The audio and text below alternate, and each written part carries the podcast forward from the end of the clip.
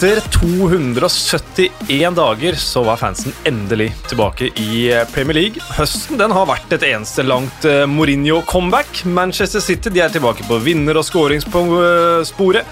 Manchester United hadde et nytt comeback i andre omgang. Vardy var tilbake i Sheffield. Bamford var tilbake på Stamford Bridge. Connor Cody var tilbake på Mercyside. Saha var tilbake for Palace. Jeg kunne holdt på lenge nå, men jeg må ta med at Gunnasaurus Rex også var tilbake på ja, ja, på Emirates.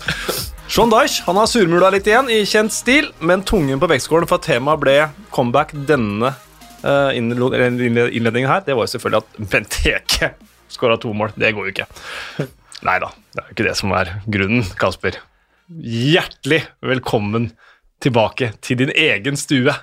Tusen takk. Deilig å være gjest i podkasten. Det er første gang. Så nå har jeg tatt stolen din. ja, jeg, jeg, prøvde jo å bytte stol her nå, men det fikk jeg ikke lov til. Nei, ja, dette er gjest. Dette er gjest. Ja, du leder podkasten. Eh, ja, det er supert å være tilbake. Det er første gang jeg jobber siden eh, siden Westham Aston Villa. Da Westham eh, berga plassen. Så eh, det som har vært, det har vært.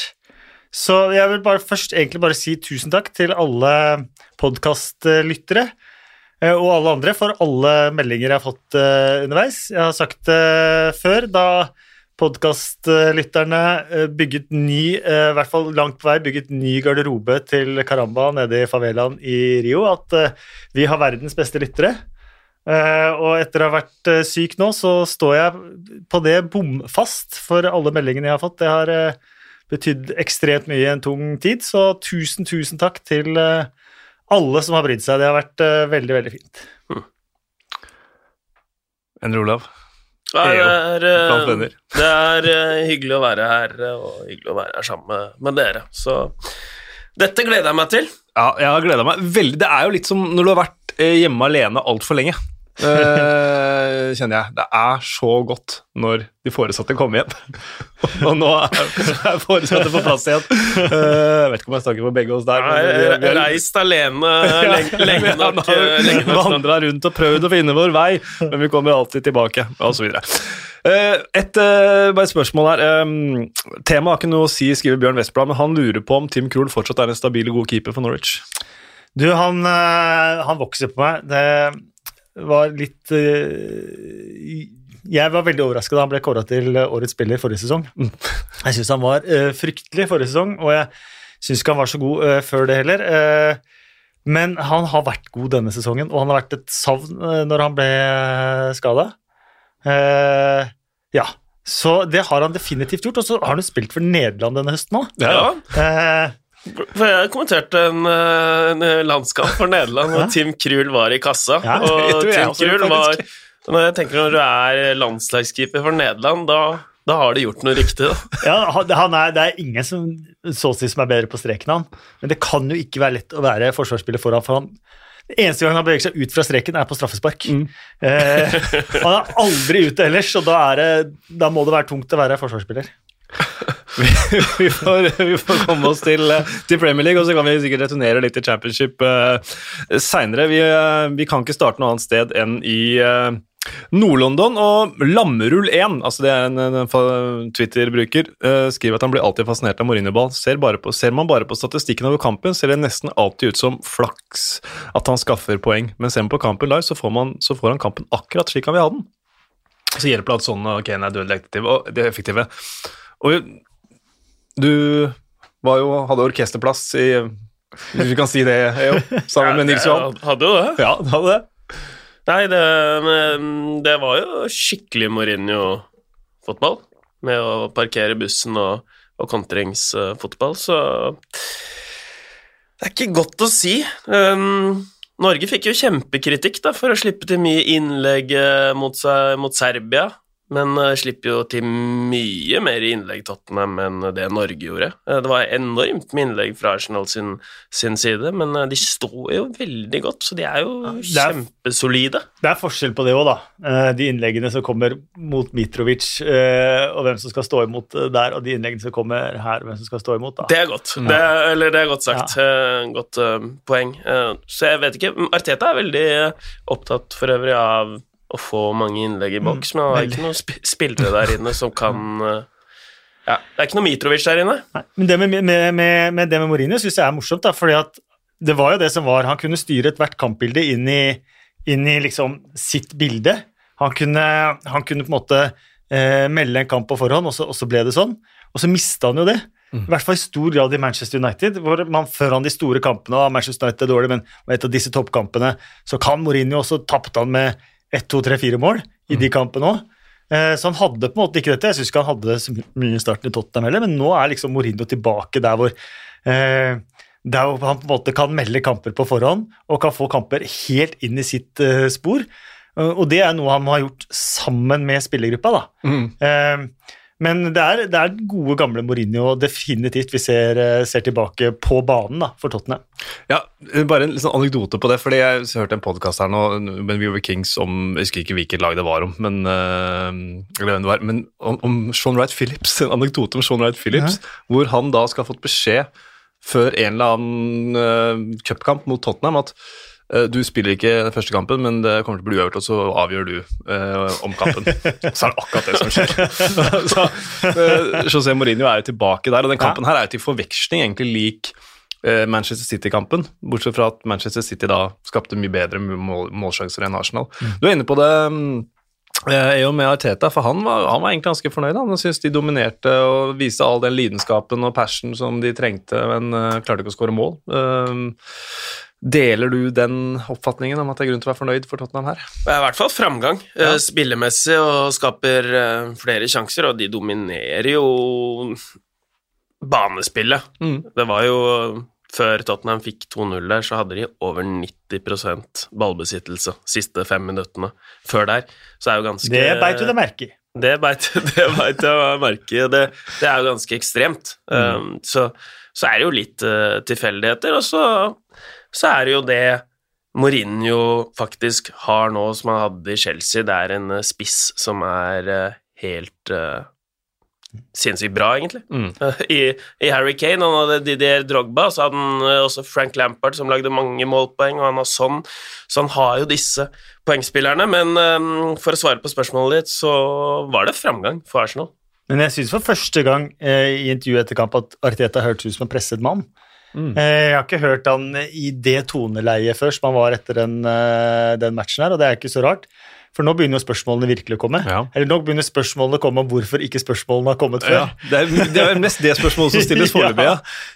Hvorfor er det sånn at uh, han anslipper uh, Ja. whataboutism? Mm, Uh, så, så, og seks tap på elleve for Arteta nå. mm. Eh, og enda, litt, enda et par steg tilbake, i hvert fall resultatmessig fra sånn, sånn det var.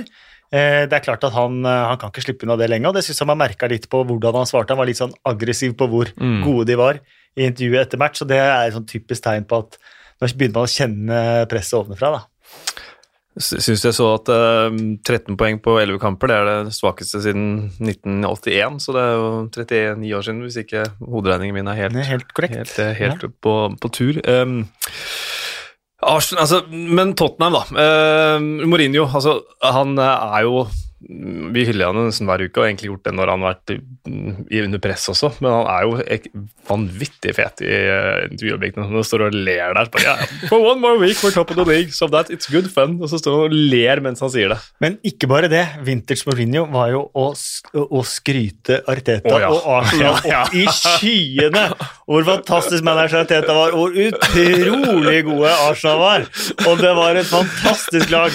But they resolved. Um, så, så det er jo Og da veit man, da er, da er Mourinho tilbake for fullt. Ja, det har jo blitt hans greie da, å, hause litt de lagene og de trenerne som sliter. Det var jo det samme med Slaven Bilic og, som, uh, og West Brom, som uh, hadde en kjempekamp for noen runder siden. Ja, ja. Så Men det er de gangene han vinner. ja, det er ganske da- lett å være sympatisk uh, når det flyter. Men jeg, etter å ha sett All or Nothing fra forrige sesong, Mm. så må jeg si at jeg hadde null tro på at dette skulle skje. Mm. Eh, jeg, jeg må si at eh, jeg ble så lite imponert over det som skjedde i Tottenham gjennom den All or Nothing-serien. Og jeg ble så utrolig lite imponert over Mourinho og Danny Levy eh, at jeg tenkte dette, dette er kjørt. Dette her kommer ikke til å vare fryktelig lenge før eh, Tottenham er i den posisjonen Arsenal er i nå, og Mourinho eh, forsvinner ut dørene som utdatert. Eh, Så man må jo si at dette, var jo, dette er ekstremt imponerende, det som, det som skjer. Da. Og jeg tror også at spillergruppa skal ha en stor, stor del av eh, æren for det som, eh, det som skjer nå. Og så tror jeg han har lykkes med det som han starta med ganske tidlig i All or Nothing. Det å gjøre snille gutter til, eh, Mm. til skikkelig bad boys. Og det tror jeg er en viktig transformasjon for mange av de, mange av de gutta her. Hva var det du ikke var imponert over, da? I? Jeg var ikke imponert over det man så av liksom, det taktiske og de taktiske gjennomgangene. Jeg var ikke imponert over spesielt måten han var én-til-én med spillere. Jeg ble overraska at det så ut som han ikke så eh, At han syntes det var ubehagelig å være én-til-én. At han trives godt å være én foran en forsamling. Mm. Det er greit, men én-til-én-møtene syns han så virkelig ukomfortabel ut eh, i. Og det overraska meg, og det kan godt hende det er feil òg. Vi har jo bare sett dette, denne fluevinkelen i All or Nothing. Um, så mange av de tingene der som jeg var utrolig lite imponert uh, over. Og det er kanskje de som lagde serien som har fremstilt det feil, eller at jeg har tolka det feil. Men de er nå topp, toppen av Premier League, og Mourinho smiler, og de ser virkelig bra ut.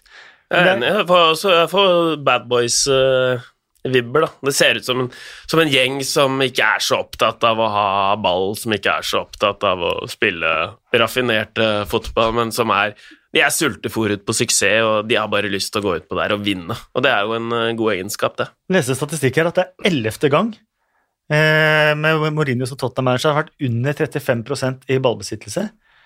Og de har vunnet eh, ni av de elleve. Ja, det, det er eh, ja, Det er bemerkelsesverdig. Nei. Nei, og det er jo det han sier også. Uh, vi kunne selvfølgelig angrepet dem og gått for flere mål i andre gang, men hvorfor det? Varom. Hvorfor det? Vi leda 2-0. Ja, Så enkelt er det.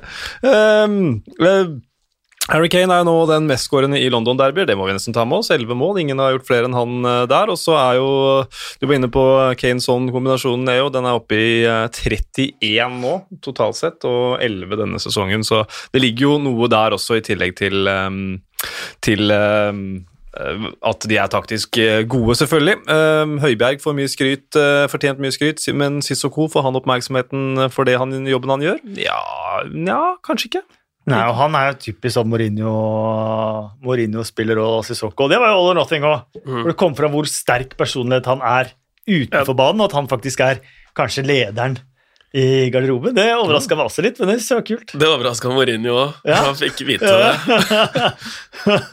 Ja, han, eh, han var skikkelig god. Mm. Eh, Han gjorde en kjempejobb foran eh, de eh, midtstopperne der. Så nei, det var eh, Det er jo litt eh, fascinerende å, å se på. Mm. Og Jørn Henland som, som spurte om det, og det er jo interessant med. Han gjør jo det samme for Frankrike, han gjør den grove jobben der også, så Viktig spiller. Eh, Vi skal eh, komme oss eh, videre fra denne matchen. Jeg har kanskje ikke nevnt at Tottenham leder Premier League, det får vi nevne for ordens skyld. Og at Arsenal er nærmere nedrykk enn fjerdeplass, selv om det ikke er så mye om å gjøre. Er det noen som noe, brenner inne med noe mer om denne matchen som jeg har lyst til å si noe? Vi, Nei, vi, bare vi, vi, vi, mye- vi, vi, breier oss, vi breier oss litt nå i dag. Ja, altså. det var, mange, det var mange rekorder da, eh, i den kampen for eh, Harry Kane. Og Ja, selvfølgelig, men det, ja, det blir hver uke, så ta en ja, så vi, kan, vi trenger liksom ikke Så dette er egentlig ikke noe rekord, men han har uh, nå ti målgivende pasninger i Premier League. Og det har han gjort på Ja. elleve kamper. Ingen har uh, klart å nå det der kjappere enn Mesut Özil, faktisk, i 15-16. Den målgivende hadde i går, var kanskje ikke Den var ikke ferdigskåra. Nei, men det var samme mønster. ja, ja, det var det.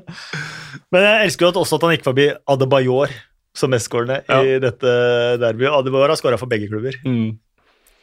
Det er fint. Uh, det var en som skrev på det, ikke snakk om Øzil. Men er, man får jo lyst, lyst til å snakke om Øzil når man ser den kampen her. Uh, for det er ikke Øzil akkurat det de mangler. Nå klarte ikke jeg å slippe kampen allikevel, da. men uh, en som kan ligge i lomma foran forsvaret til motstanderen og løse opp. Begge tierne til disse to klubbene er jo ute i hundehuset. Mm. Både Øzil og Dele Alli er på en måte eh, Tror du de går på tur sammen? Ja, det tror jeg de kanskje gjør det. Det hadde vært et fint, fint par på tur, Ja, tror jeg.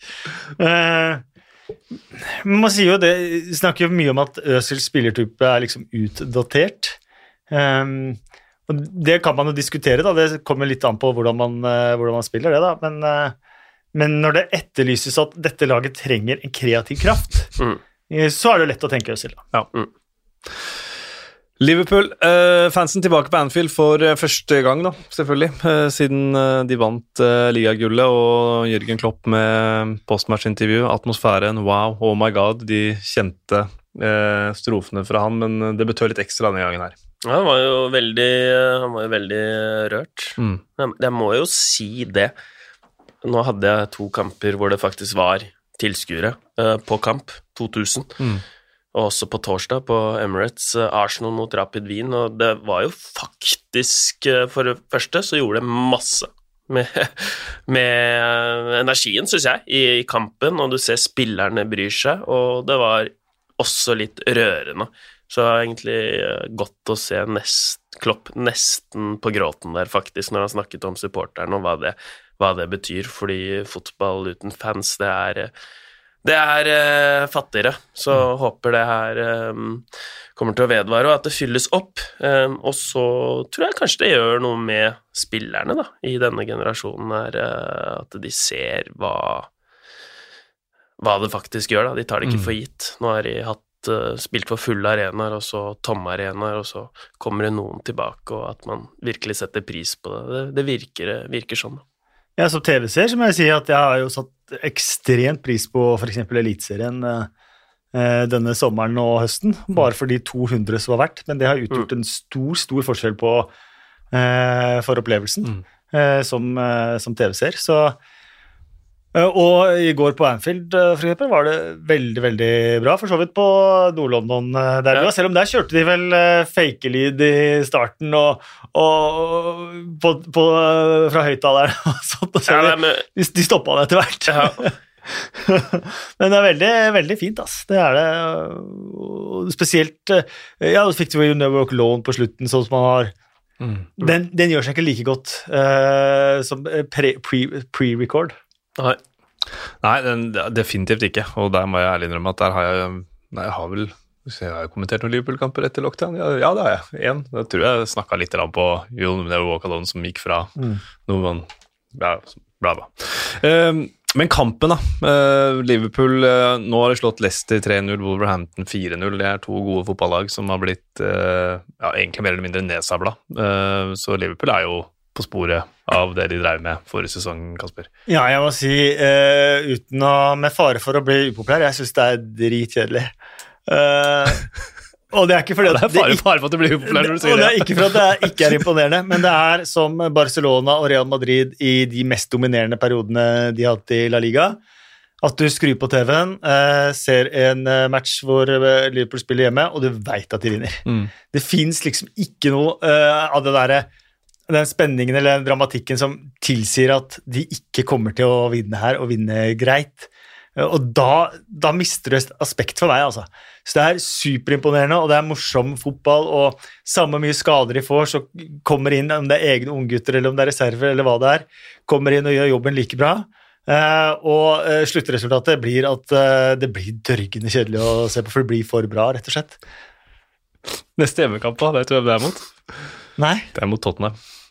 Det er det, ja. Ja, så ja det kan kanskje, kanskje du slipper den følelsen Ja, da, det kan bli interessant, men jeg, jeg, jeg tror det blir det samme ass. Ja. Så hvor mange er det vi vinner på rad nå? Er det én uavgjort, og så er det en haug av, av seire på rad nå? Ja, det kom til tellinga 100 000, kanskje. Noe sånt. Det, Så det- det, var vel 63 eller 64 forrige, forrige runde. Så Det er da, sånn ubeseira, ja. Ja, sånn ubeseira. Ja, men så- nå har de hatt en kjemperekke hvor de har vunnet alle bortsett fra én som de har spilt ja, uavgjort ja, også. så vi gjør mot Burnley i sommer, så jeg tror det er 31 av 33 eller Ja, noe sånt 30, sånt, 30, ja, noe sånt. og det er jo alle hører jo at det, det, du får ikke mye spenning ut av det. Nei, det- Og, og en stort aspekt av å se en fotballkamp er jo spenningen og hvem som skal vinne.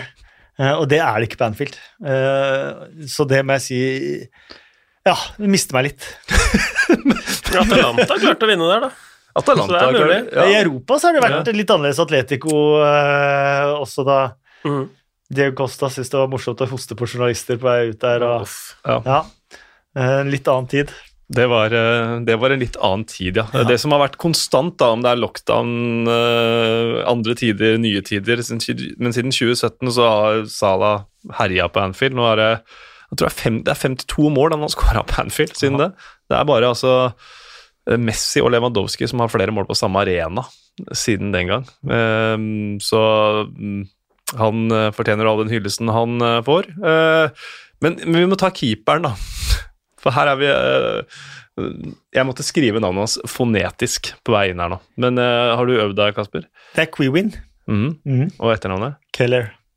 Keller. Ja, men det er, det er ganske, ganske stund eh, Så stum at uh, drakttrykkeren ikke hadde fått med seg, fått med seg. Så det er jo stort i debuten. Ja, det er faktisk Men- stort. Liverpools drakttrykker jeg vil lure på om det har vært det samme, det har hatt en del trykkfeil. Eh, det var Kygriakos på Kyrgiakos, husker du? Nei, det husker jeg Eh, Nei, så Det har vært et par sånne, og det har vært Liverpool eh, et par ganger der. Så det har vært, så jeg lurer på om det er samme person som uh, Husker du ikke Kygriakos? Det var fin, Nei, jeg gjør ikke det. Altså. Men, men det er jo, du har én jobb, da. Det er jo, liksom, ja. Kanskje han har flere, da. Drakttrykkeren har kanskje flere jobber, men EO, EO hadde bomma på Kyrgiakos et par ganger der òg. Ja, det skal du ikke lure på. Er så, nei, men det er Quewin Kelleher. Queewin? Quewin Kelleher. Kelleher. Så uh, da har vi sagt det et par ganger, så kommer vi sikkert til å si det feil også, så får vi ta det når det kommer. Ja, ja, ja, ja, ja. Jeg skal komme tilbake til en litt sånn greie hvor jeg tror faktisk det var veldig mange engelske fotballfans som var helt i harnisk over en kommentator eh, i en kamp senere vi skal ta det på. Ja, ja. Helt overbevist. Eh, Men 4-0, altså. Gini Wijnaldum han, han eh, tok seg tid til å skryte av Salah Mané han, etter å ha scora. Han skrøt av løpene deres. Han er altså så sympatisk, Altså, så så sympatisk person at det nesten gjør litt vondt at du skal liksom både se så bra ut, eh, være sympatisk, være smart og så god til å spille fotball. Da har du på en måte fått utdelt litt for mye her i livet, føler jeg, da. Mm. Eh, men det har jo litt sånn som deg der Nei. Eh, eh, men eh, Ja, så, så man blir liksom glad av å høre intervjumannen etter match, og så vet jo det at han, da han var unggutt, så spilte, satt han på benken for Feyenoord mot Liverpool. Jeg tror han var 17 år. Ehm, og etter match, treningskampen mellom Feyenoord og Liverpool så ble det litt sånn eh, krangling og, og, og, og greier, og han kom ikke innpå, så da sneik han seg bort til Fernando Torres, fikk bytta til seg Torres-drakta. Så han har hatt Liverpool-drakt hengende hjemme på veggen, eh, Torres sin drakt, eh, siden han var 17 år, og er, har den Liverpool-connection fra før han kom til, eh, til Liverpool òg. og det syns jeg er litt fint. Ja, og han eh, Han snakkes det jo litt for lite om, da. Eh, nå har jeg på en måte jeg forrige sesong fikk Henderson sin oppreisning, uh, men uh, Beinaldum eh, Han var godt på vei til Barcelona da. Ja, han var det. Han var Kan det. fortsatt være det. Mm. Ja. Men jeg syns han er en fantastisk eh, fotballspiller, og du ser at han er en fin fyr ute på banen nå, for han er ikke ute etter overskriften, han gjør ting enkelt, eh, bare setter opp eh, medspillerne sine, og det er en fantastisk scoring, så han har mange, mange målpoeng for eh, landslaget, så han har uh, mulighet til, det, da, i eh, spillet sitt, og i større grad i Liverpool. Skåra fire mål i en match for Newcastle. da. Ja, han kan eh, gjøre mål, han. Han kan. Eh, Det, det, er- det er, han har jo vært tema. Markus Borge spør hvorfor tror du Wijnaldum ikke har signert en ny avtale for Liverpool. Eh, Når han selv sier at det må klubben svare for, så tror jeg det er eh, svar så langt vi har det. Men det presenteres han for Barcelona i januar. Ja, kanskje ikke i januar, men han har jo vunnet det som vinnes kan i England. Ja, tenk på det. Tenk at vi har kommet dit. Ja. VM på klubblag, Champions League, Premier League. Hva er det igjen, Kanskje, liksom? kanskje ikke FA-cupen, men det kan jo være at han er 30 år. Kan være han har lyst på eh, noen, uh, noen år i sola, Mm. bokstavelig talt. Uh, han skinner, sola skinner jo metaforisk på den stort sett hele tida. Uh, så det får vi se på. Det vet vi ikke, men uh, en meget viktig brikke for Liverpool. Uh, Conor Codys tilbakekomst til Mercyside, den var blytung. Ja, På og så, igjen mange, på også, så mange måter. Han snakker jo i, i intervjuene og sånn Det finnes jo ingen som snakker mer Skauser enn eh, enn han. Eh, nesten så du eh, må ha eh, tolk og oversetter for å få skjønne så bredt Skauser snakker. Det er han og Trent Alexander Arnold. Mm. Eh, så, så det syns jeg Jeg syns det var litt vondt at det var han, og jeg synes det var litt vondt at det var han som filma i, i tillegg. For å komme tilbake på Anfield og, og ende opp i to sånne situasjoner var for, en, for en spiller som igjen da, også virker som en klok og reflektert og, og fin fyr, eh, så er det dumt å havne i, havne i en sånn eh, situasjon. Skal vi heller ikke glemme Mohammed Salah på 3-0, at han eh, han ble ikke tatt hardt for å, for å falle som han gjorde, han, eh, han heller, men har lett for å se, se gjennom fingrene på, på det den veien. da. Mm. Så, men eh, nei, jeg følte med Conor Cody og gjorde det. Du, da? Jeg følte med Conor Cody? Nei, Ja, for jeg føler alltid med, med Conor Cody. Men han, nei, det går bra med han. Jeg er ikke bekymret uh, på hans uh, vegne. Det er bra. Um, Jeg så det var en uttrener i Liverpool som uh, tok full ære for at han fikk landslagsdebut og, og alt her i et intervju. Det, mange av de, Det er jo en del av de der. Han hadde sendt noen tekstmeldinger til uh, Conor Cody i august som var helt avgjørende for at han hadde tatt ut på, tatt på landslaget og scora og greier. Så det, ja. Da er du innflytelsesrik, ja, ja, faktisk. det vil jeg si. Det vil jeg si. Jeg skjønner at det er fristende. Ja. Når du føler at du har hatt en finger med i spillet, liksom. Være med litt på reisen. Ja, ja, sole seg litt. Uh, Westham United mot Manchester United, det var jo eh, Jared Bowen-show i eh, første omgang. Hva er det de kaller det i England? Unplayable. Var eh, helt vill, og sikkert eh, mange med han eh, også. Um, ledet fullt fortjent 1-0 etter pause, eh, EO, og burde kanskje også eh, vært oppe i tomålsledelse før United slo tilbake. Ja, Ler har runda keeper og gjort alt. Så skal jeg bare sette ballen i mål, og så faller han. Det er, det er- det er helga for to av de største missene jeg har sett i Premier League. Mm. Det er Ja. den, også den til Werner. Men eh, den til Haller var jo Man skulle ikke tro det var sant. Nei, det, det jo Det virker som eh, bare beina svikter under ham Ja. idet han skal eh, sparke ballen i mål. Har gjort alt riktig der. Det så ikke ut til å være offside heller. Så, så er det klart Hvis det hadde blitt 2-0 der, så hadde Manchester United slitt, og de har jo en i stanga der over Westham, og det er jo det er jo kjempe De blir jo rundspilt i Mm. første omgang. Ja, Haller reagerer litt sånn som jeg tror jeg ville reagert hvis jeg hadde kommet på blank første Ja. gang i Premier League og knærne svikter. Ja, blir Mo, Mo der. Men Sa du ikke Hva skjer der? Ja, det var jo helt overraskende å se. Ja, det har jeg sagt òg, i hvert fall. Og helt, helt overraskende Ingen som skjønner. Beina svikta. Ja, ja. Ehm, øyesynet til David Moyes, det svikta ikke. For eh, Og der har de jo Ja. Jo, det har de ja, fordi Ofte er det sånn der en avgjørelse går mot oss, og så sier han sjøl du, du kan spørre hvem som hadde best vinkel. Jeg hadde best vinkel, sier David Moyes. Og det hadde han jo. Eh, og den ballen viste seg å ha vært langt ute. Ja, for det var jo et oppspill fra keeper. Ball over sidelinja, Mm. opp 1-1-skåring.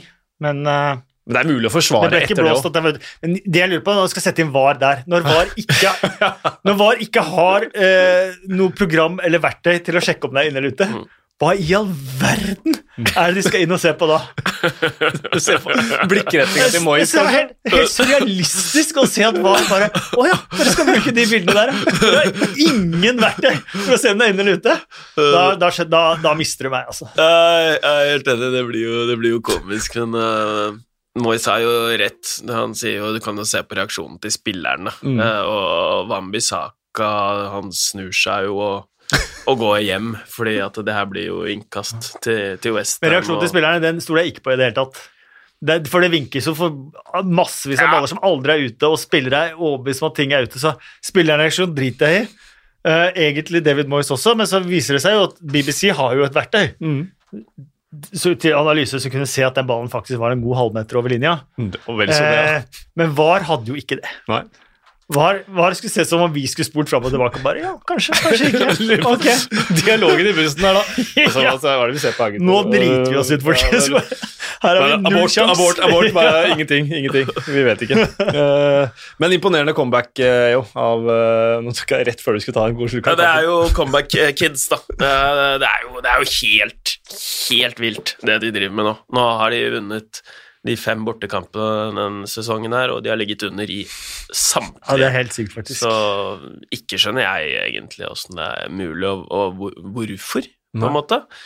Fordi jeg, jeg, jeg kan skjønne hvorfor de er bedre borte enn hjemme. Det er fordi de er helt uh, ellevilt bra da, til å kontre, men når motstanderen tar ledelsen, og egentlig da kan kontrollere det, det er da de Mm. svarer. Så det er jo en del eh, paradokser her. Men eh, det som i hvert fall eh, var matchavgjørende, var jo da at Bruno Fernandes kom inn og var meget bra, og Mm. Marcus Rashford kom inn og var god. Så mm, hjelper jo da Paul Pogba å sette han i hjørnet fra 25, da, og spille med energi. Jeg syns egentlig Pogba var, var bra i den kampen der, Mm. egentlig fra start til slutt. Han har jo noen sånne ballmiss, men eh, det var få av dem. Han, han så, så god ut.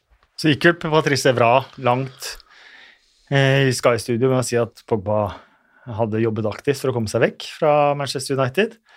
Um, så da hjelper det jo å levere sånne kamper som han gjorde nå, for nå var han virkelig god. Mm. Eh, Han var på det Pogba-nivået som jeg Og sammen med Bruno Fernandes. Helt perfekt.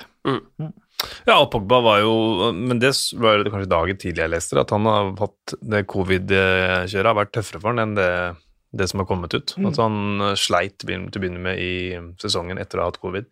Uh, ikke hadde pust. Uh, Ja, det har vært start-stopp for han ja. over lengre tid med ulike ting ute og, Mm. og aldri kommet inn i en rytme, og i tillegg vite at man får, man får kritikk for hvert steg man tar, eh, tar feil også, så det er klart at eh, det ikke er, er enkelt. Men Mm. eh, han viser jo hva han er god for når han er god. ja, ja.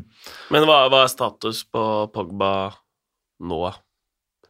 Evra sa vel at han hadde snakka med styret om å komme seg vekk tidligere, men at han hadde godtatt å bli inntil eh, til videre, men at han tidligere har jobbet Ja. Sagt fra at han ønsker en overgang, da. Ja. Eh, Det virker som Patrice Evra er sånn halvløs kanon. Stort sett han sitter i Sky Studio, og hvis de to er gode venner, så vet ikke om Pogba ville at Patrice Evra skulle snakke om det, men eh, han gjorde nå det, da. Jeg tror det bare er en liten hyssing som holder den kanonen fast. Også, for den- er uh, ordentlig på skeiva, den uh, på dekk der. Eh, men, men altså, Bruno Fernandes, bare, ta noen tall der, og da bare kjapt 36 uh, målinvolveringer nå på 38 kamper for Manchester United. Det er, uh, det er helt ellevilt. Det, det har jeg sagt det mange ganger før, og kommer sikkert til å si det flere ganger. Jeg hadde aldri trodd at han skulle bli så god. Jeg var skeptisk når de kjøpte han. Så, Ja. eh, det må, så så feil eh, kan man ta. Og før den eh, 2-1-skåringen òg, så er det jo han som går i press, og, så at det blir, det blir innkast ut av det. Og Ja, han er andre assist på tredje den. Ja. Ja, andre assist, ja, med hælspark gjennom. Og han, han prøver mye, og når han eh, Han har den til Rashford som Rashford setter i stolpen nå. Ja. Så han har, han har en assist og to hockeyassist i den, altså to andrepass i den matchen her også. Helt, eh, helt ellevilt. Eh, Westham, som har likevel hatt en veldig, veldig god sesonginnledning. Eh, og sikkert bittert å tape denne matchen her, men kommer seg vel fort til, til hektene igjen. Det må de jo, for så vidt. De skal til Ellen Road og møte Leeds, så da må de eh, opp i ringa. Manchester United skal møte Manchester City. Ja. Og så syns jeg det er morsomt med Mason Greenwood.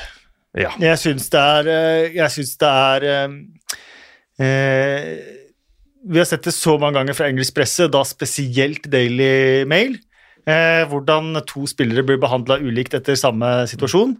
Phil Foden og Mason Greenwood etter det som skjedde på Island, som var idiotisk av de begge to. Så har Phil Foden fått eh, den fantastiske comeback-story fra eh, engelsk presse, stort sett, spesielt Daily Mail, mens Mason Greenwood har eh, fått flere og flere problemer balla på seg av rykter, hairsay og andre ting. Eh, og, og, og blitt fremstilt som en, eh, som en gutt og en spiller med problemer som eh, fort aldri kan realisere sitt potensial fordi at eh, han sliter med det og det og det. Eh, og det er måten eh, veldig ofte unge spillere eh, med forskjellig hudfarge blir behandla ulikt av eh, engelsk eh, presse, og det syns jeg er eh, forkastelig og ufint. Og Derfor syns jeg det er skikkelig kult at eh, Mason Greenwood gjør en kjempematch, skårer et fantastisk fint mål mm. og virker å være på, på rett spor. For jeg har ingen tro på at Mason Greenwood eh, er noe verre eller har noen større problemer eller er vanskeligere å håndtere enn Phil Foden. Eh, jeg tror det er måten de blir, blir fremstilt på av engelsk presse, og spesielt Daily Mail, som jeg syns er en fryktelig uting. Og hvis man eh, ser eh, og, og legger merke til hvordan dette er systematisk fra spesielt Daily Mail og engelsk eh, presse Hvis du ser nå hvordan de prøver liksom også å pirke borti Marcus Rashford etter det fantastiske Marcus Rashford har gjort i, i koronapandemien, hvor du ser hvordan de behandla Raheem Sterling, eh, Adar, Adar, Adarabayo da han var unggutt i Manchester City, fikk nøyaktig samme, samme eh, behandling da han kjøpte hus til sin mor, eh, om hvor ekstravagant eh, og, og kvalmt rik han var som kunne, kunne gjøre det, mens Phil Foden igjen da også ble framstilt som eh, den barmhjertige samaritan og den fantastiske gutten som kjøpte kåk til, til sin mor.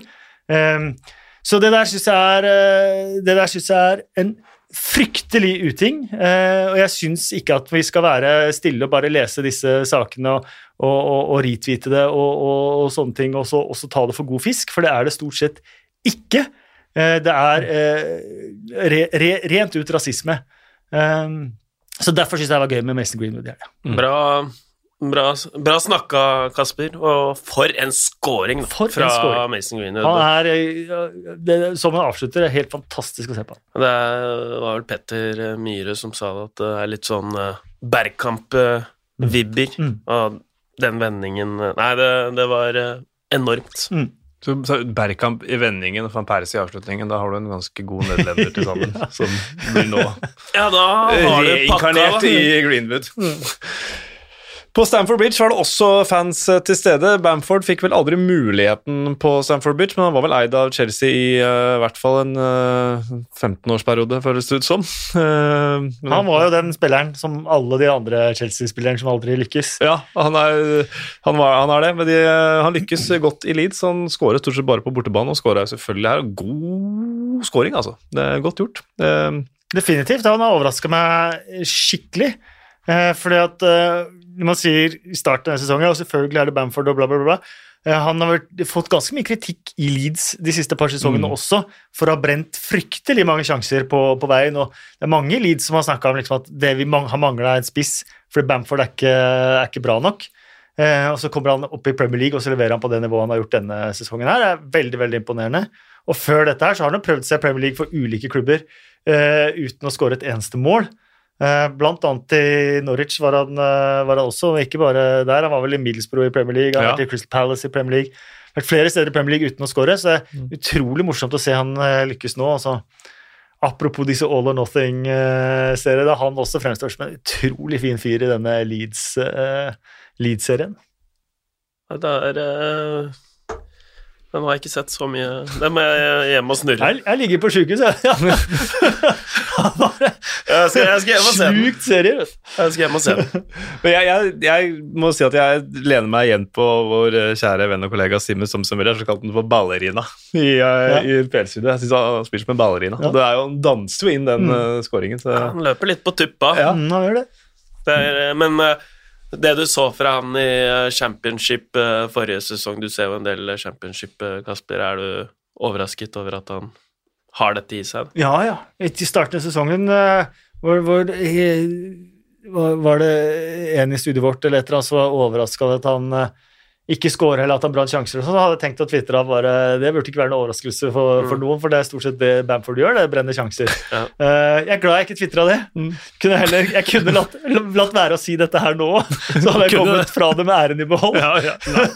Men ja, jeg er overrasket, uh, overrasket at han har levert på det nivået han har gjort i, i Premier League. Det er. Men jeg syns det er veldig likefullt både gøy og fortjent. Chelsea, uh, det, det her var jo egentlig det var en spesiell kamp på sidelinja òg, for det, det var Lampard mot Bielsa, dette her, og de har en forhistorie fra Spygate for noen år tilbake, hvor uh, Lampard var helt i harnisk over at uh, Bielsa hadde sendt en mann til å se på treninga hans når han var Derby-trener, og fikk jo på en måte sin revansj da, Lampard, med å slå ut Leeds i championship-playoffen. Og det så ut som altså det var litt som Mourinho, han skrøt fryktelig av Bielsa etterpå. Enorm coach, enormt lag, unik måte å spille på. Men jeg, jeg har ikke sett Lampard juble så intenst så mange ganger altså tidligere. Men den, men den krangelen der var det definitivt Lampard som kom dårligst ut av. Oh, ja. Ehm, og Bielsa uh, viser seg jo at han uh, og, når det ble en sånn running joke at Bielsa vet mer om Derby enn eh, Lampard, Ja. eh, så tror jeg det gjorde vondt for, eh, vondt for Frank Lampard. Ehm, og, men så var det postmatch-intervjuet her nå også, da, jeg tror det var et sånt forsøk på å, på å begrave stridsøksa, for at Lampard framsto som det vi parodierer engelskmenn litt for. At de på en måte har funnet opp både fotballen og gentlemanship og alt mulig sånn, og de blir utrolig indignerte for småting, da, Mm. når det kommer folk utenfra som, eh, eh, som, som gjør ting på sin, sin måte. Så da framstår han ikke så bra, og så, og så, så er det jo å si Nå kan det kanskje være vann under Stamford-brua. Ja. Ja. Og det renner i hvert fall med uforminska styrke. Chelsea har nå ni kamper uten tap. Altså. De er lengste rekka i Premier League, så vidt jeg har klart å regne meg til. Ehm, De ligger smiler Jeg sitter og smiler, da. Sorry. Jeg, bare, jeg kom til å tenke på eh, Jon Børrestad som drev og snakket om Bamford Bridge. Vet du hva ja. du sa?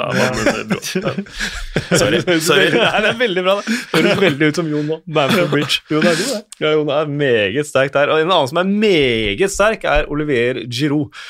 Noen som vet hvor mange Premier League-kamper han har scora i på rad, de han har starta? Nei, Nei, seks.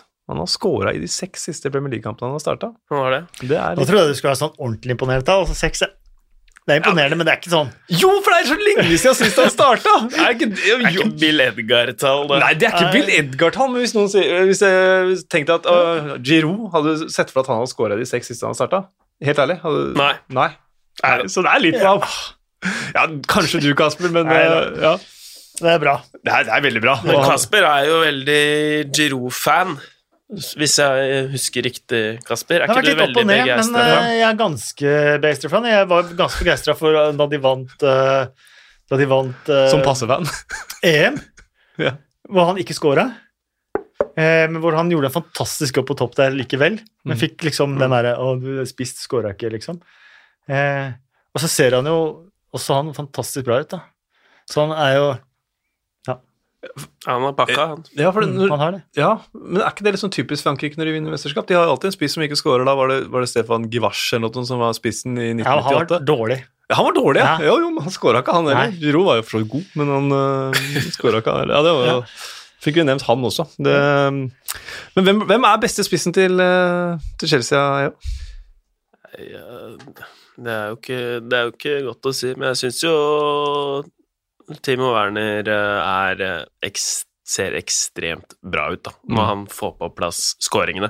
Nå var det Han kom til så mange sjanser. Uh, apropos Missi, Ja, han jo han han bomma jo, bomma jo. Og det var jo det var jo ikke bare den ene heller, det var jo så mange. Men Mm. når han liksom får på plass det i Premier League, som han har vist i Bundesligaen, så er han, må han være noe av det mer komplette jeg har sett. Mm. Så rask, så god til å føre ball. Mm. Ja, han, har, han har så mange dimensjoner i spillet sitt, da. Så mm, Men han, jeg synes han er jo og best på en av sidene i en treer, da. Ja, og der spiller han jo mm. mye. Mm. Så midtspiss, jeg vet ikke. Giro, Det er jo nok av fart Mm. rundt der til at de kan spille med, med Giro, tenker jeg. Mm. Det er jeg helt enig. i. Um, Deilig, deilig når den bare det er når den bare Helt sitter. enig, og så Bare sitter, kan bare legge den død. Giroud burde spille. Um, og han har jo hadde fire mål i eh, Champions League. Og, så, Så han har gjort det tungt for seg sjøl nå, da. Så nå har han jo villet vekk ganske lenge for å komme, få en plass i Frankrikes EM-tropp neste Ja, sommer sånn, og sånt nå. Og når det kommer inn, skårer fire mål der, kommer inn, får starte endelig, eller skårer i seks starter på rad i, i Ja, ja, ja. Det er jo det er vanskelig å tenke seg at Chelsea vil selge han i januar. Ja, og så er det vanskelig å se for seg at uh, de som har vært sendt, at, at Inter, at han går dit, det må du ikke gjøre. Nei, så- Hvis du hører på oss nå, ikke gå til Inter, vær så snill. Men jeg tror han har ødelagt litt for å få til en overgang i januar, faktisk. For jeg tror ikke Chelsea vil selge han da. Nei. ja, men jeg, Men faen. Ja, men jeg må, må si at jeg er imponert over den typen uh, Giroud som har spilt såpass lite over tid, og så kommer han tilbake, og så er han helt på plass. Samme litt med Mata. De spiller ikke så mye, men når de får spille, så da har man på en måte gjort noe riktig da, i treningsarbeidet som de skal berømmes litt for. Men kanskje, kanskje jeg skal nominere de til ukas blomst, faktisk. Oh. Fikk ikke så god respons eh, på det innspillet der som eh, forrige, men eh, ja. Sånn er det. Angrer litt egentlig på at jeg trakk det opp. Men, eh, skal vi se ja, Vi må snakke litt om den redninga til Timo Werner, for den er helt vill. Uh, Giroud er jo ferdig med å score, så det er jo bare liksom, Werner er misunnelig på oppmerksomheten Giroud har fått i siste, så skal jeg ragge ta den tilbake. altså, jeg så Det var vel eh, Den er sterkere, den faktisk, enn Ruben Diaz hadde igjen i Champions League også, hvor han redda på streken for Porto. Eh, men den her er helt rå. Og stopper den, og så smeller han opp i tverrliggeren. Jeg bare klarer ikke å la være å le. Og så må vi st han Ilan Melier òg, for Kan han bli verdens beste keeper? Nei. Jo, han var 20 år. Ja. Nei, han blir ikke verdens beste keeper. Jeg, jeg er også så imponert over han. Ja. Er er, eh, han mangler litt liksom, på ramme og litt i feltet og sånt noe. Men for noen matcher han har levert denne sesongen her. Ja. Jeg synes det er helt sykt å se på. jeg. Og så ser han ut som han er tolv. Ja, det er nettopp det. Ja. Så det, Og du mener han får litt ekstra goodwill for det? ja, det, han? ja, han gjør det. det. Ja. Ja. Han er 20, da. Ja. Ja. Det er ikke vanlig for en 20-åring å, å dominere på den måten som keeper i Premier League. Jeg slipper mye mål, da. Slipper en del mål. Ja, Men se på de sjansene ja, ja, han, laget hans slenger mot den eh, på Stafford Bridge der òg, da. ja. Hadde det ikke vært for han, så hadde de jo tapt eh, mye. Mm. Så Det var nesten to meter. Da. ja. Ja. Jordan Pickford var god for Sunderland, han òg. Jordan Pickford er ikke nesten to meter. Nei, nei. Nei, men Det er sant. Det er et godt poeng. Mm. Eh, Du er, å ja, du er litt sånn brent. Brent Sunderland-mann. Ja, Du har sett Jordan Pickford. Og skyr ikke ilden. Jeg går, i, jeg går stikker hånda inn. Ja. Um, Stig Myhre skriver, sier, skriver på Twitter litt om Silvas impact i Chelsea og hvorfor summa plutselig ser ut som en milliard. Der har han eh, både impact og svaret på spørsmålet sitt, tenker jeg. Eller litt om hvorfor Zuma ser ut som en milliard. Det er fordi Thiago Silva spiller ved siden av. Det er jeg ganske overbevist om, uten å være tidligere midtstopper sjøl. Ja, jeg var veldig imponert over øh, Skal ikke jeg komme og være sånn Jo, det skal sitte, sitte med fasiten, men Jo, ja. jeg var veldig imponert over det Zuma gjorde i Everton før han øh, Mm. Det er faktisk sant. Ja, hadde en kjempesesong i Everton. Ja, så var nesten litt mer sånn uh, negativt overrasket over Mm. starten hans i, i Chelsea. Så det er, nå føler jeg han egentlig bare har funnet tilbake til seg selv. Og så er han jo helt Det hjelper jo å skåre litt mål òg, Ja. på dødballer, for å bli lagt merke til. Jeg syns han var fantastisk i Sannhet igjen. Ja. Mm. ja, du, du stopper tradisjonen til sannhet igjen. Altså. William Saliba han har kanskje ikke slått helt til. Og for faen, ja, ja, det er helt enig. Han var veldig meget god der. Uh, en sant Etienne. Uh, Poveda burde kanskje hatt et straffespark. Han uh, holdt seg på beina. Ble straffa bokstavelig talt for det. Uh, ja, og det, hvis man lurer på hvorfor spillere går ned, så har du vel uh, svaret der. Og så er det forskjell på å gå ned og gå ned. For det der eh, Rafinha holdt på med, det er jo ah, til, til og med til å melke situasjoner å gjøre. Det er noe av det sykeste jeg har sett. Han fikk én finger som streifa leppa, og så ble han liggende livløs. Eh, som om det var et eller annet Ok, her er det alvorlig hode-nakkeskade. Chelsea spiller ut ballen. Og da ser det ut som han prøver å bite seg i leppa for å få fram noe blod der, eller et eller annet. Han titter i hvert fall etter blod ti ganger.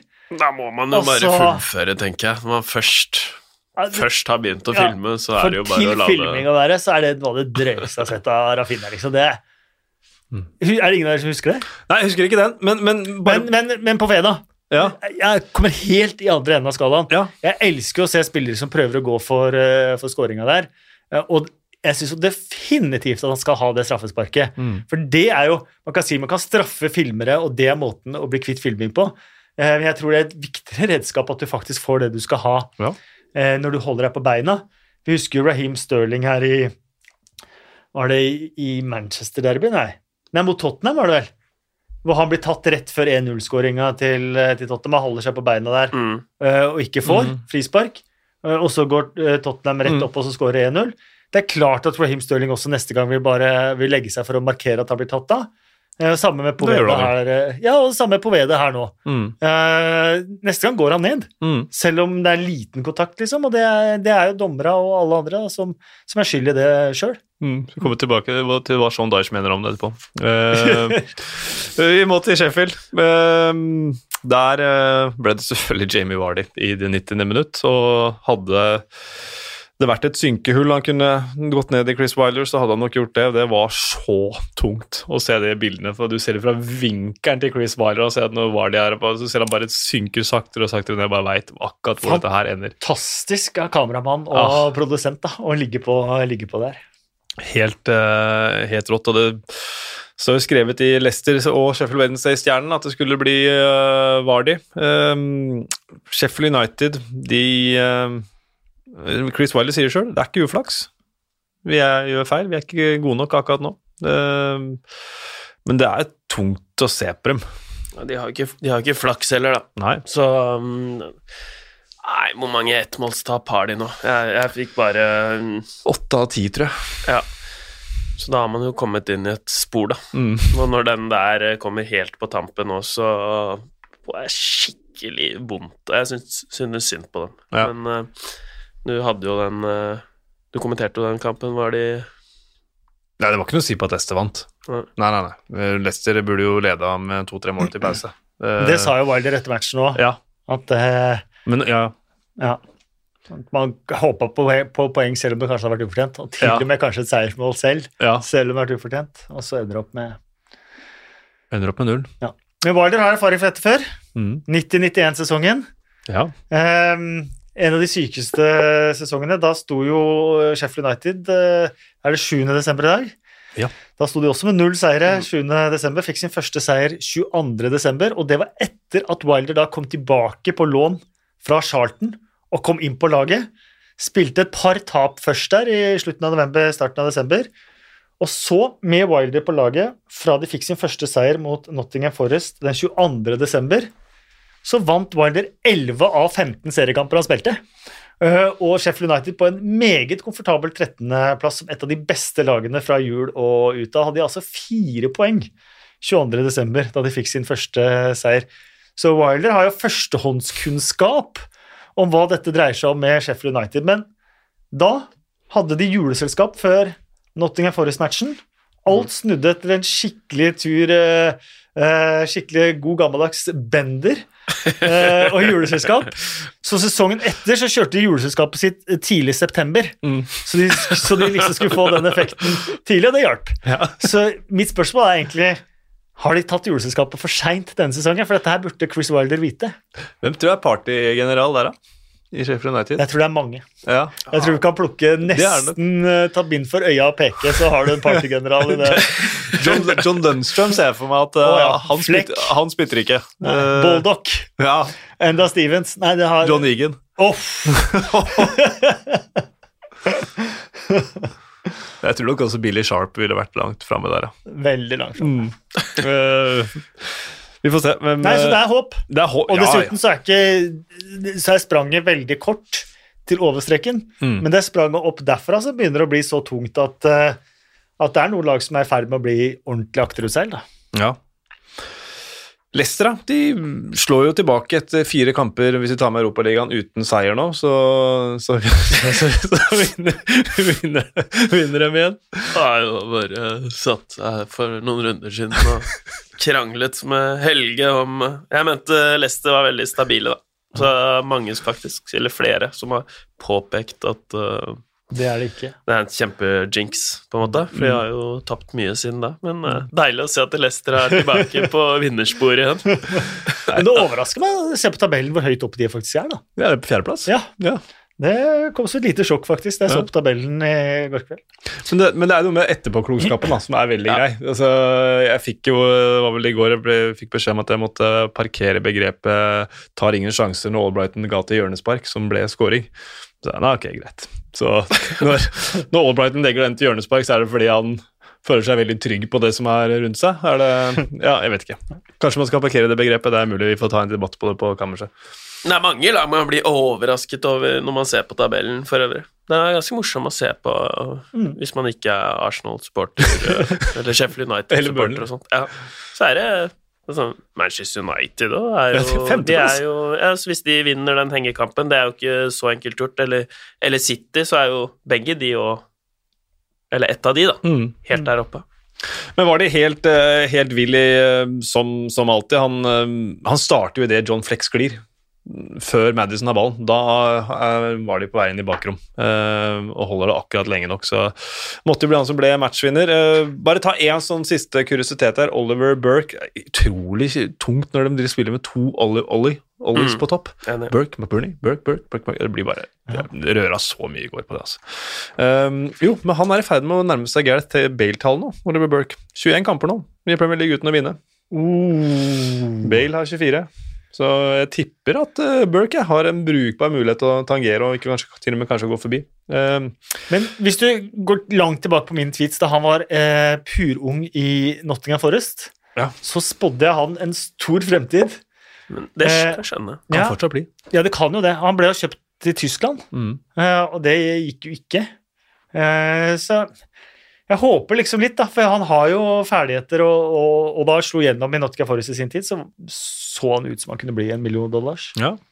Ja, han, har jo, han har fart og tempo og Teknikk og- teknikk og, ja. punch, så det er rart at han ikke Det, det kan fortsatt eh, materialisere seg, den, den tweeten der, at den, Ja. kan, den kan oppfylles, da, den profetien. Fortsatt tro på det. Ja. Får se. Ja, han og Luckman og sånn, tidligere RB Leipzig-spiller, jeg tror på dem. Apropos Luckman, han spilte mot eh, Manchester City, han. Og han fikk ikke noen sjanser i den kampen her, da. Men eh, der er vi inne på, um, på en ting her, fordi um, når eh, Raheem Sterling kommer uh, aleine gjennom, så sier en britisk kommentator 'Joshim Anderson'. Og da lurer jeg på hvor mange britiske supportere som i harnisk tar kontakt med den kommentatoren og sier han heter Joakim Andersen. Det uttales Joachim, Ja. ikke, ikke Joshim Anderson. Joshim. Joshim, Anderson. Men det må jo være Du hadde Julian Joachim, Mm. som skrev navnet sitt på nøyaktig like måte. Ja. Så da tror jeg det, dette får bare være kommentatorens Ja, Joshim Anderson. eh, rare greie. Ja. Men det, ikke noe rart med matchen. Den var akkurat som forventa. Manchester City tok ledelsen tidlig. Kunne vunnet 5-0, som de sikkert burde, men nøyde seg med to. Det er så mye mer å si om den kampen, egentlig. Nei, apropos sånn kjedelig, så er jo det Manchester City var jo der, som jeg kalte Liverpool kjedelig nå. Mm. Nå har de ikke vært helt der, for nå har de plutselig kunnet tape mot nesten hvem som helst. Spesielt kanskje borte, da. Mm. Eh, men ikke denne. Nei. Nei, det Det kunne ikke skje. Brede Hangeland som sa i studio at 5-0 er det mest sannsynlige resultatet i denne kampen før, eh, før eh, avspark, så og det, det vil jeg faktisk gi han rett i, selv om det endte 2-0. Så er det gledelig med Stirling, da, tilbake, eh, som innfrir litt. Jeg hadde mye mer tro på han denne sesongen enn det som har skjedd, for han så så frisk ut i de landskampene og, og, og, og, i, og i oppkjøringa, den korte, korte oppkjøringa til, til sesongen, så Mm. så han Oi, Mm. Raheem Sterling, han blir frisk i år. Mm. Men det har ikke helt, eh, helt slått til, det. Kommer nå. Kan være. Kommer nå. Kan være. Um, 700 kamper for Pep. 700 kamper, har vunnet 507 av dem. Det er imponerende, Det er faktisk. ganske bra tall, altså. Han har vært god klubb, da. Ja, det har. Eh, 250 av dem i City, vunnet 179. Så det er Jeg har en sånn der drøm jeg, om at uh, Messi, Cristiano Ronaldo, Pep Guardiola Må Zlatan? han. Sånn, ja Nei, ikke Zlatan. Okay. Uh, skal bare tenke Vet du hva, nå skal, jeg, nå skal jeg se hvor langt jeg kan realisere mitt potensial. Uh, så jeg drar til Bristol Rovers eller et eller annet sånt, og ser Hvis Messi da hadde gått til Bristol Rovers nå og bare se kunne jeg gjort en Premier League-klubb, en decent Premier League-klubb av dem, bare for at jeg spiller der. Han har nok penger for resten av livet, han har vunnet alt han kan vinne. Han melker nå de siste årene av karriere, og det er sikkert kult, det.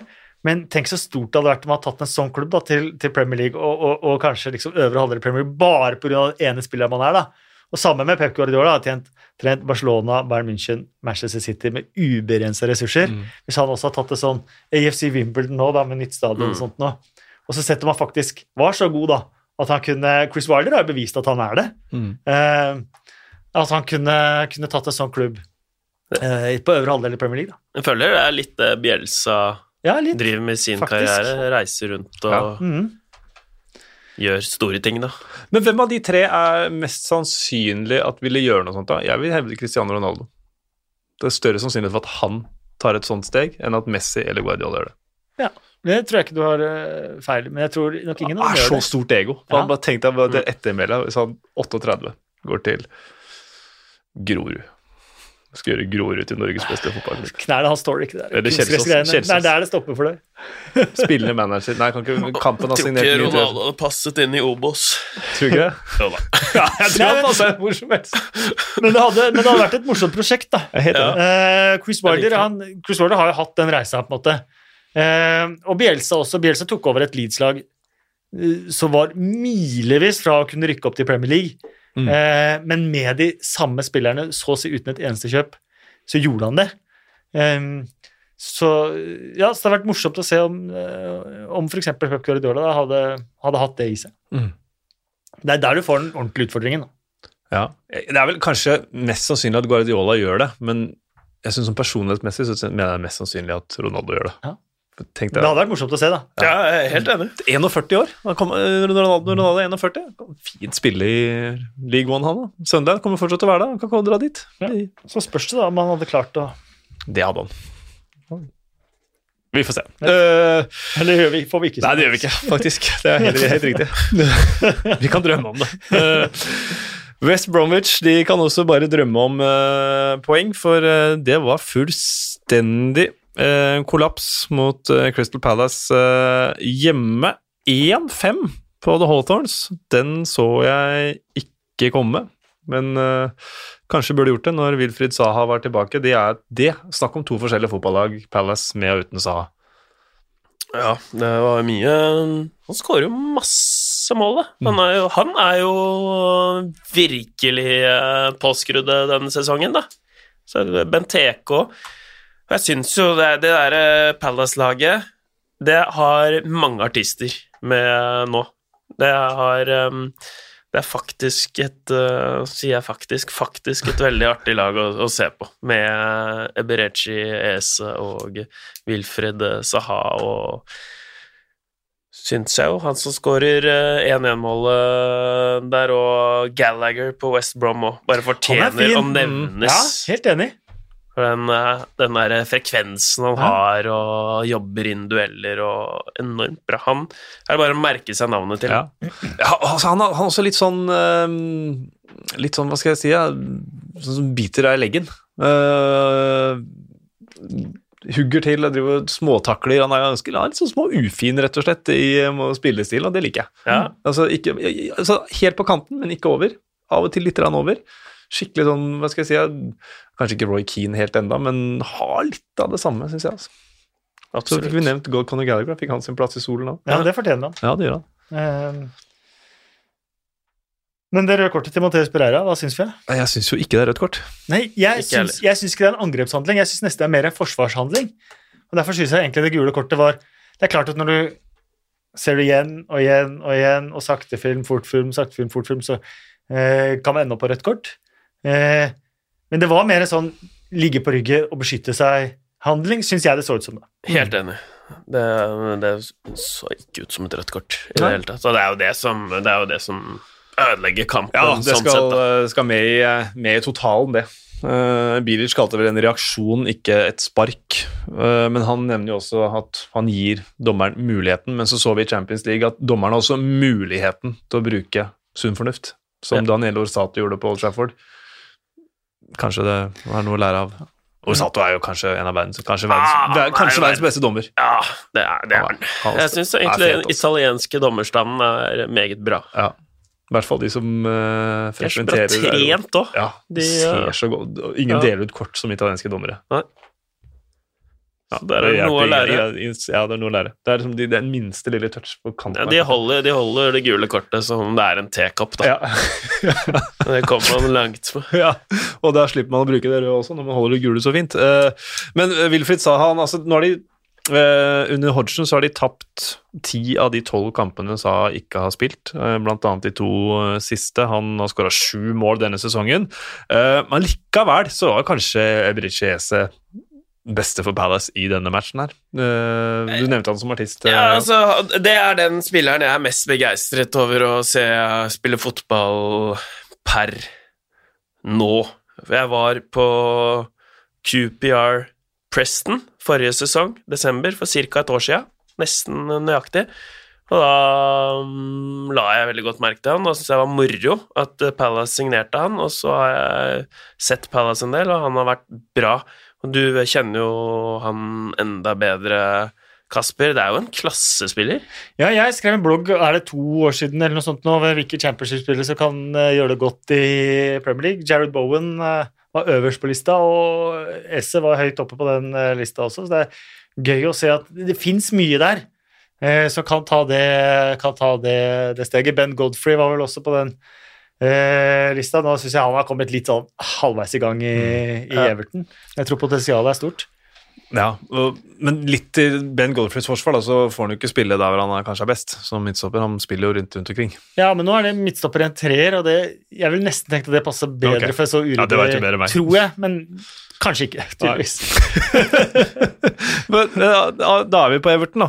De 1-1 mot eh, Burnley. Everton har nå vel vunnet én av de siste syv etter å ha vunnet de første fire, så mm, ja, Jeg tror det røde kortet til Richarlison, det rammet Everton knallhardt, fordi at Everton har det problemet som har hengt igjen egentlig fra Koman-tiden, da de kjøpte 18 tiere som ja, de hadde 19 i pace på Fifa, da, Ja. for å ha bruket uh... Bare like spillere. Mm. Ja, og det henger igjen. Og Richarlison er på en måte litt den eneste som har den derre litt rå farta som utfordrer egentlig på fart hver eneste gang. da. mm. Så de kom liksom ut av en veldig god start med at de mista han i tre kamper. Så det tror jeg, det tror jeg rammet dem, eh, dem hardt ut. De har klart å henge seg helt inn i det. Og så det at de skal spille med Mina Keane og Godfrey, så han prøvd å gjøre Og skader på Din og Coldman, så har han på en måte prøvd å gjøre eh, alle til laks der, da. Eh, og finne en løsning på det, som jeg tror har vært en dårlig løsning for, eh, for Everton med den, eh, den Trebecks-stopperlinja der. Mm. Jeg er helt enig. Jeg tror også de burde komme seg tilbake til en fire bak så fort som mulig, og så bare bruke Ja, Godfrey, Iwobi som høyrebekk, da. ja, og Godfrey var jo uh, utlånt til Shrewsbury da Shrewsbury holdt på å rykke opp fra League One og opp til neste øverste nivå første gang. Da hadde de Dean Henderson i mål og Ben Godfrey på defensiv midt. Og endte opp på over 4-85 poeng den, eh, den sesongen. Og da var Ben Godfrey strålende som anker òg. Så kanskje det er en rolle som kan passe han godt i, i Everton. Eh, hvis de trenger et alternativ f.eks. til Allan. Var det den sesongen Leden Hazard trodde han spilte mot Strawberry? Ja, det kan ha vært den Ja, sesongen. Ja. Da var han søt for øvrig. ja, ja. Strawberry. Men, eh, det var en keeperduell eh, på høyt engelsk eh, nivå her. Calvert Lewin mot Pickford. Den endte vel egentlig uavgjort med Southgate på tribunen. Ja. Ja. Ja. Tør å påstå det. Gode, pres gode keeperprestasjoner i den kampen. Ja. Ja. Er du ikke, enig, helt enig. Jeg syns ikke Jordan Pickford Han hadde et par gode, gode redninger, men greit nok, liksom. Ja. Men at, eh, men at en standard eh, keeperprestasjon skal hylles som noe annet enn en helt grei match, det har jeg problemer med. Den der redningen jeg hadde, det var ikke mye fart. Strong arms, liksom.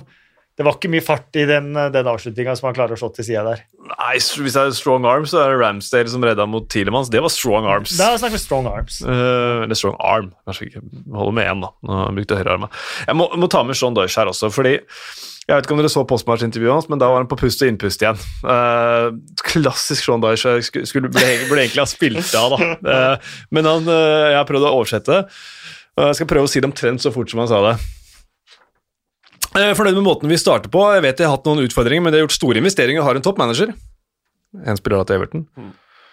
Jeg er misfornøyd med forseelsen som ikke blir gitt som leder til målet. Om det er en forseelse eller ikke, slike forseelser blir gitt hver uke i Premier League. Den eneste minste lille touch eh, blir gitt fordi det er kontakt. Vi trenger at slike går for oss, men vi har ikke hatt for mange av oss med oss så langt denne sesongen. Omtrent sånn var det. Vi har vært inne på det på før. Han er verdens største dommersitter. Oh, Han kommer inne. unna med det, for han er så innmari engelsk og grov i målet. Liksom. Ja. Men, men det han, han ville da ha frispark for Ashley Westwood fordi uh, Allan pusta han i nakken. Uh, det er egentlig det, det, så, det han Hver uke så er han Jeg er den eneste som prater om det. Folk filmer, men jeg er den eneste som bryr meg om det. Og så filmer en av hans egne, og han får ikke frispark. Ah, gi meg enda over. Altså. Jeg elsker jo Sean Dyche, men det, er- det, er- Jeg er elsker ikke. Sean Dyche. Jeg, jeg, jeg liker det. Men jeg, og jeg, jeg, jeg elsker sånn der, og jeg, jeg hyller at han spoler tilbake til nærmeste uh, dommerfeil. Eller eh, dommersituasjon, da. I forkant av et baklengsmål. Ja. Og tar opp det etter kamp. Ja, jeg elsker ikke Sean Dyche, men jeg kan si at det er, nå har han 200 kamper i Premier League, uh, og det er veldig veldig imponerende. Mm. Og, og det at han rykka ned Burnley, rykka dem rett opp igjen og har blitt og etablert det, men nå tror jeg kanskje at de rykker ned igjen. Men eh, han har helt rett i hvis han klager på manglende investeringer i laget og de tingene. Nå er det vel et oppkjøp som ligger og lurer der, det hadde vært eh, bra for det, men eh, Burnley er ikke eh, Storbritannias Paris. Eh, og, og klubben er på en måte ikke Storbritannias PSG heller. Eh, så, så han passer og kler klubben godt, og han har gjort en imponerende stykke arbeid der. Men jeg syns at eh, han burde fortjene mer pes, og det har jo vi vært bidragsytere til å, Ja. balansere det bildet litt, for at han er en uh, sutrebukk. ja. Enormt. Mm. Han er god på det, vet du. Veldig god- veldig, god veldig god på det, til å komme unna med det. Mange som har mye å lære der. Eh, vi skal ha noen eh, faste spalter ved eh, Ja, det skal vi. Det var moro å se på. Morata var kjempegod. Hva i all verden? Det er lov å si hvor mye det provoserer meg. Han snakka ikke om seg sjæl, han snakka om dommeren. Vi begynner med eh, det kjipeste, som er kaktus. Det kunne jeg selvfølgelig prøvd å være humoristisk og sagt at blomst er kjipt, men jeg, nå ødela jeg det sjøl. Fint, greit. Eh, kaktus. Eh, vi har noen eh, forslag her. Eh, Eirik Tangstad, litt ref det du eh, Ikke bare litt, men veldig ref det du var inne på tidligere, Kasper. Kaktus til Millwall-fansen for buing under kneling. VM i taktløs oppførsel. Lurer på hvorfor ikke klubben har fordømt oppførselen. Eh, det er et godt forslag, men når endelig får fans tilbake, så bruker de anledning til å bue på det. Det er kaktusen. Colchester gjorde eh, litt det samme, så de kan eh, dele Mm. litt. Mm. Og det, det verste er at dette var meldt på forhånd. Det, det var jo eh, spekulert om det kom til å skje på forhånd, så Milvo måtte jo ta et standpunkt på forhånd og så si at vi kommer til å knele uansett. Og det syns jeg var tøft, både av Mm. klubbledelse og av spillere. Eh, At de, de antakeligvis visste hva som kom til å skje, men likevel eh, valgte å, å ta kneet, selv om det er noen klubber som da har slutta med det. Eh, at, at det finnes politiske bevegelser innenfor Black Lives Matter og andre ting, godt mulig. Eh, nå er det ikke Black Lives Matter-bevegelsen man kneler for. Nei. Man kneler, kneler for å ta et standpunkt mot rasisme. Det for meg er upolitisk, ukontroversielt, og jeg syns Millwalls eh, oppførsel var eh, skammelig, nedrig, eh, virkelig pinlig. Eh, og du har en spiller som Malon Romeo som gikk til eh, eh, Som sa etterpå at han har aldri følt seg verre som fotballspiller. Eh, og eh, hvis jeg var han, eh, så ville jeg eh, søkt meg vekk umiddelbart Mm. eh, fra den klubben. Og det, det er synd, for Milvold har gjort så utrolig mye bra i mange år. Eh, De vant jo pris som årets familieklubb her for et år eller to eh, siden, og, gjort mye i, i nærområdet sitt og, og sånt noe. Så, eh, så dette setter klubben og klubbens rykte mange, mange, mange år tilbake.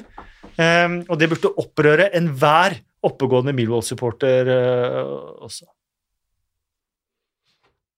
Ja, og Harry Kane, som vel har en fortid i nettopp Han eh. Millwall. Han var jo ute før eh, helga her nå og sa at eh, han støtter det fullt ut. og Han mener at man må fortsette å gjøre det, fordi som han sier, altså Jeg har en sønn på syv. Når de spiller fotball nå, så går de ned på kne før de skal begynne å spille. Ja. Så spør jeg hvorfor gjør de det.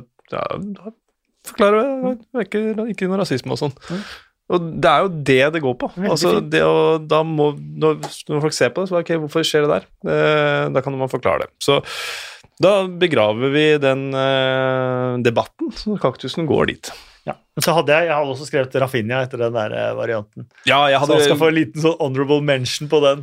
ja, jeg hadde Cody ja, for uh, hans filming.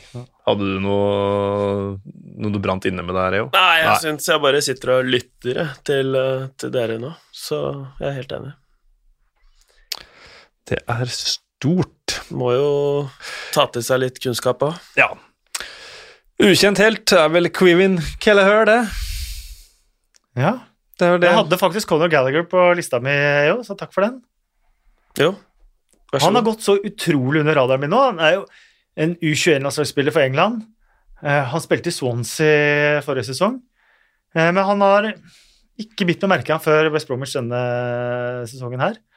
Og han har jo vært eh, årets akademispiller i Chelsea, Mm. Blant vokste opp med. Frank Lampard som sitt store sånn spillerforbilde. Ja, Ja. Og, og, de, og de eh, som òg har vært uh, fått den utmerkelsen da, i Chelsea, det er jo Reece James, Mason Mm. Mount, det er jo profiler, og jeg liker liksom Han har den Han har litt den derre Grealish og Madison-swaggen Mm. over seg, samtidig som han er så Har litt den derre Roy Keane uh, Ja. Så han har en del dimensjoner. Definitivt.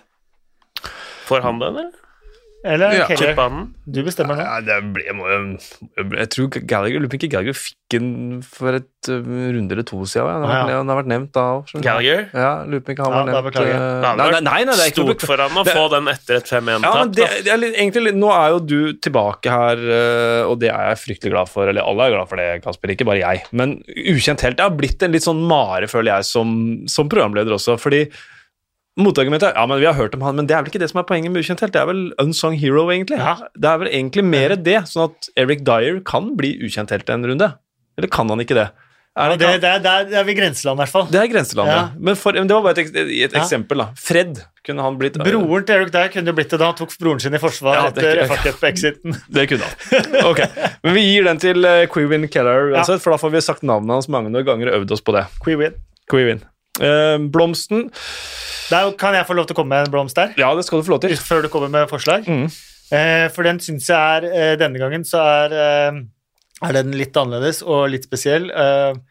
Og den går til deg, Espen. Eh, og til deg, EO, og til de andre som har holdt eh, denne podkasten i en utrolig kjærlig hånd mens jeg har vært eh, syk. Og det setter jeg ekstremt stor pris på, og det, det er kanskje noe av det som har gjort meg gladest mens jeg har vært syk, er at denne podkasten har blitt eh, tatt eh, så eh, godt hånd om og vare på, og med så stor kjærlighet, og med så enormt både faglig og, og annet nivå. Eh, Så den blomsten kommer fra meg til deg og alle dine medhjelpere på vei. Oh, Ja, det er fortjent at du får den, uh, Ved. Du har gjort en eh, veldig god jobb. Eh, jeg har bare møtt opp litt eh, her og litt eh, der. Nå Så, men eh, du har faktisk gjort en kjempejobb. eh, Ja, synes jeg, jeg. helt utrolig Ta deg tid, da. Eh, Setter jeg enormt stor pris på. Det gjør jeg. Eh, da tar jeg gjerne imot den, og så deler jeg litt med deg og litt med Helge og alle andre som har vært med og, og bidra. Og så er det jo veldig mange som vil inn til deg også, Kasper, som er eh, tilbake. Eh, det ser jeg at det er det Det fortjener ingen blomst. Det, det er livet. Men øyeblikket, for meg Ja. Første bilde av fans tilbake.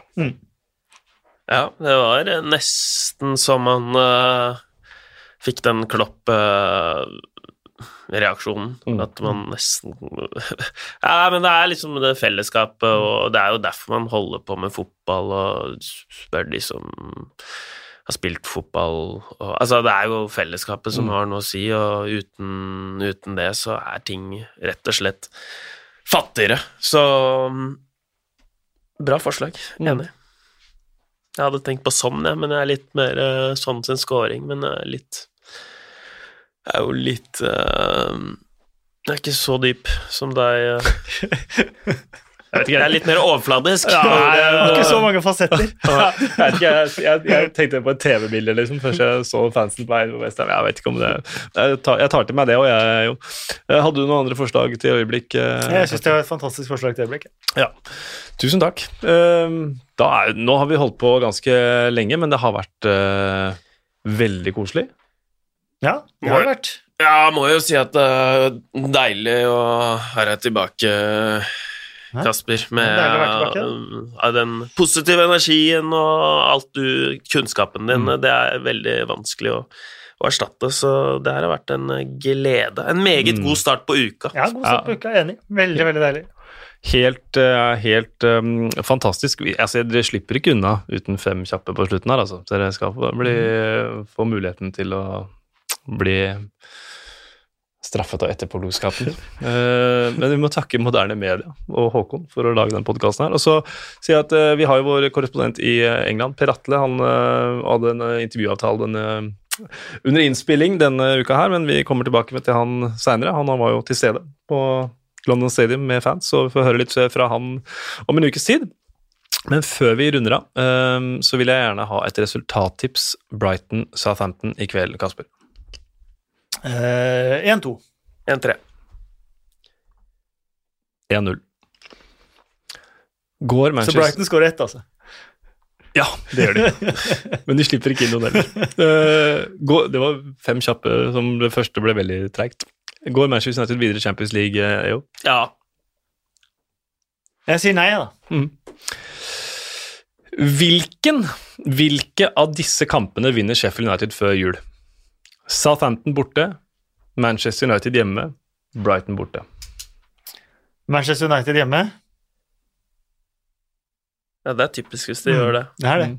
Det er den de vinner? Mm. Ja, den er grei. Hvem leder Premier League til jul? Altså når julefreden senker seg, i den tid vi kan Det kalle det. er jo José Mourinho og Tottenham, det. Det er Liverpool. Det er Liverpool. Rykker Norwich opp, Kasper? Nei. Eh, ja. Nei da. Men det, kan, det, det har vært kontroverser der også. Eh, faktisk, Det hadde, kunne jo vært sånn, litt sånn innom kaktusen der. Ja. Fordi at de snudde jo 0-1 til 2-1 helt på slutten. Mm. Eh, Høyrebekk, ung høyrebekk Max Aarons avgjorde, han var ikke veldig vant til det. Nei. Og brøyt alle koronaprotokoller med fans eh, tilbake, som de har da eh, blitt veldig, veldig hardt skolert i. Han løp rett i fansen for klemming. Eh, og selvfølgelig, jeg skjønner hvorfor han gjør det. Han er en 20 år gammel høyrebekk som nesten aldri scorer, og som avgjør helt på slutten når man ligget under 2-1. Nei, ligget under 0-1. Uh, men det går jo ikke. Nei, men det kan ikke være kaktus for øyeblikks, Nei, øyeblikkets enig glede, lidenskap. kaktus, Men nå kan jo Norwich da ende opp med å da ikke få ha publikum eh, lenger, da, fordi at eh, dette har visst vært veldig veldig strengt. At er det én ting man ikke skal gjøre, så er det visst akkurat det. Ja. Tenk, han kunne vært i Barcelona, han. Da hadde han aldri fått det problemet der. Nei, da har han tapt noe hjemme mot Cádiz, da. Ja, antageligvis. Ja. Ja. Det får bli siste ord. Tusen takk eh, for at du eh, var med, eh, EO. Selv takk. Og for tusen takk for at du også var med som Takk. gjest her, Kasper. Jeg gleder meg veldig til neste gang. Ja. Dette var gøy.